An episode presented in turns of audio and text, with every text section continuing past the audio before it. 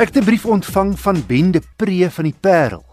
Hy skryf dat al sy voertuig se vier lugsakke ontplooi het tydens 'n ligte botsing. Hy sê nie watter soort motor dit is nie, maar wel dat hy as die bestuurder alleen in die voertuig was. Omdat dit duur is om die lugsakke te vervang, wil die versekerings nou die kar afskryf. Ben vra: "Is dit normaal dat al die lugsakke ontplooi al is daar net een persoon in die voertuig?" Ek het Ben se brief aan Nicolou, die tegniese redakteur van die tydskrif Kar voorgelê.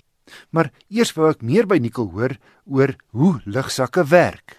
Baie van die moderne voertuie het maklik 6 tot 8 lugsakke. Deesdae as mens dink aan die bestuurder, passasier, eh die knielugsak, eh die een wat aan die kant is en dan ook die gordynlugsak. So daar's 'n hele klomp lugsakke in van hierdie moderne voertuie.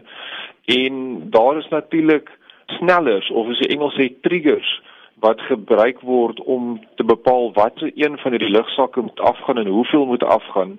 Party van die voertuie het fisiese sensors op die struktuur self, so wanneer jy in 'n botsing betrokke is en daai sensor vervorm, dan stuur hy die sein na die beheereenheid wat dan jou lugsakke ontplooi. Uh, maar die meeste moderne karre gebruik 'n versnellingssensor of 'n Engelse accelerometer om te bepaal wat is die versnelling of vertraging dan van 'n voertuig en ook die intensiteit daarvan. Ehm um, byvoorbeeld as jy 'n botsing het van voor af teen watter snelheid het die voertuig eerstens gery dis sal een van die insette wees en dan natuurlik hoe ernstig wat is die intensiteit van daai vertraging gaan dan bepaal gaan die sneller afgaan om dan spesifieke lugsakke te ontplooi? En dan wil ek ook net sê moenie aan 'n lugsak dink as hierdie sagte ballonnetjie wat nie eintlik skade kan moet doen nie. Wanneer 'n lugsak afgaan in 'n splitsekonde is dit 'n chemiese ontploffing wat eintlik plaasvind wat daai lugsak opblaas. So die beheerstelsel moet kan bepaal dat dit werklik nodig was om daai lugsak te ontplooi.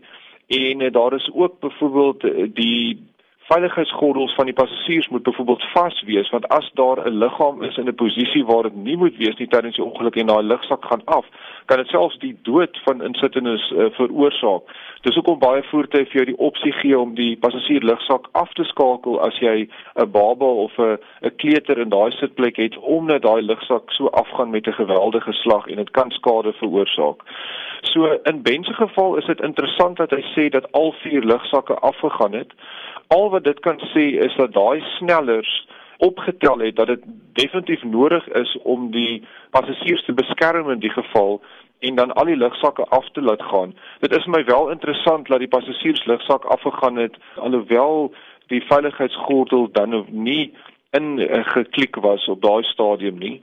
So miskien kan Ben die voertuig vat net vir 'n diagnose op die stelsel om te sien dat die regte seine uh, deurgekom het.